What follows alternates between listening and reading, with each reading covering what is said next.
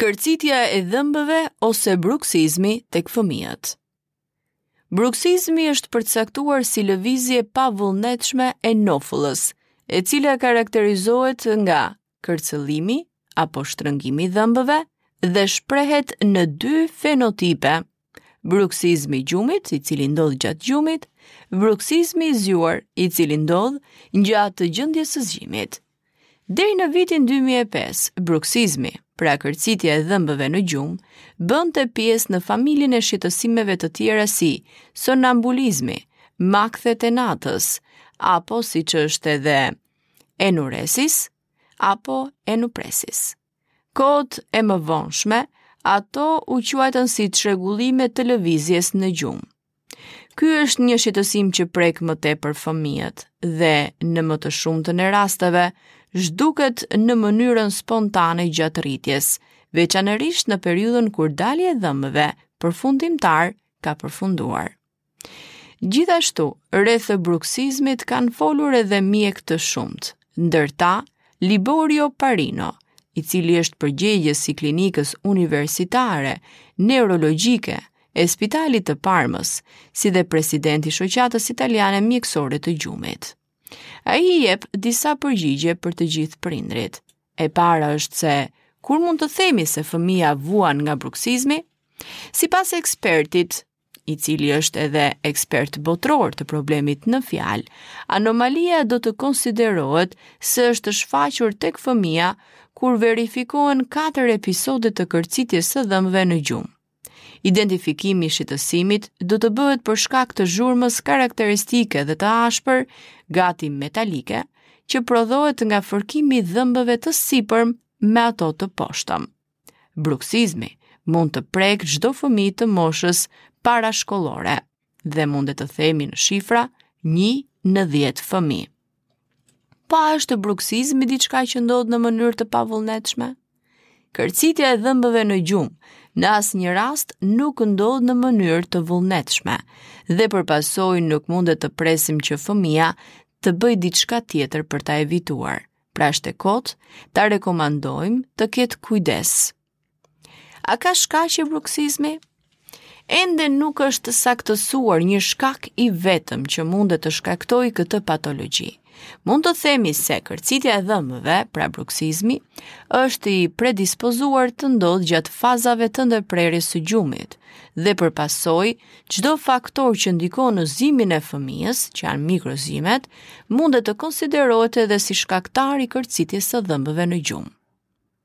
Të gjitha ato ngjarje që te fëmija shkaktojnë stres, mund të konsiderohen si faktorë të tjerë që përkeqësojnë simptomat e bruksizmit, Akumulimi i tensionit emocional gjatë ditës do të shkaktonte zgjime të shumta gjatë natës dhe për pasojë edhe më shumë episode të bruksizmit. Mundet të përmendim edhe një tjetër, siç është ardhja në jetë e një fëmije tjetër në familje, që mundet të bëhet faktor favorizues në përkeqësimin e simptomave.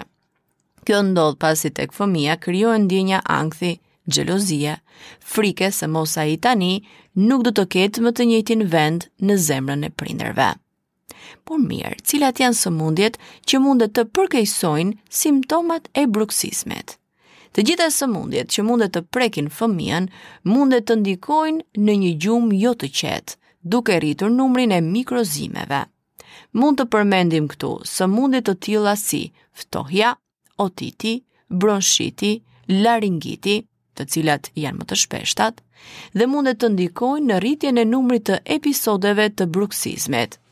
Edhe fryrja e bajameve, gërhitja, apo episodet e gjumit siç është ndërprerja e papritur dhe e përkohshme e frymëmarrjes në gjumë, të cilat konsiderohen si sëmundje që ndikojnë në bruksizëm, pasi ndikojnë në zhvillimin e një gjumi jo të qetë gjatë natës dhe me mikrozgjime të shpeshta. Por, a është patologji e trashëgueshme? Mundet të ndodhë që njëri nga prindërit ose të dy të kërcasin dhëmbët në gjumë dhe për pasojë e kanë trashëguar edhe te fëmija. Nëse kjo nuk ka ndodhur, bruksizmi mundet të lidhet me prezencën e një shqetësimi tjetër gjumi që mund të ketë qenë prezent kohë më parë te një person i familjes. A duhet të shqetësohemi ne si prindër nga këto episode? Në përgjithësi, anomalia nuk shfaq ndonjë shqetësim dhe në disa raste mundet të kalojë pa kuptuar. Megjithatë nuk mundet të lëmë pa përmendur se në disa raste mundet të nevojitet vizita te mjeku. Pasojat janë veshja e dhëmbëve, dhimbja e kokës pas zgjimit, të cilat zakonisht shfaqen në format e rënda të bruksizmit. A ka kura për bruksizmin?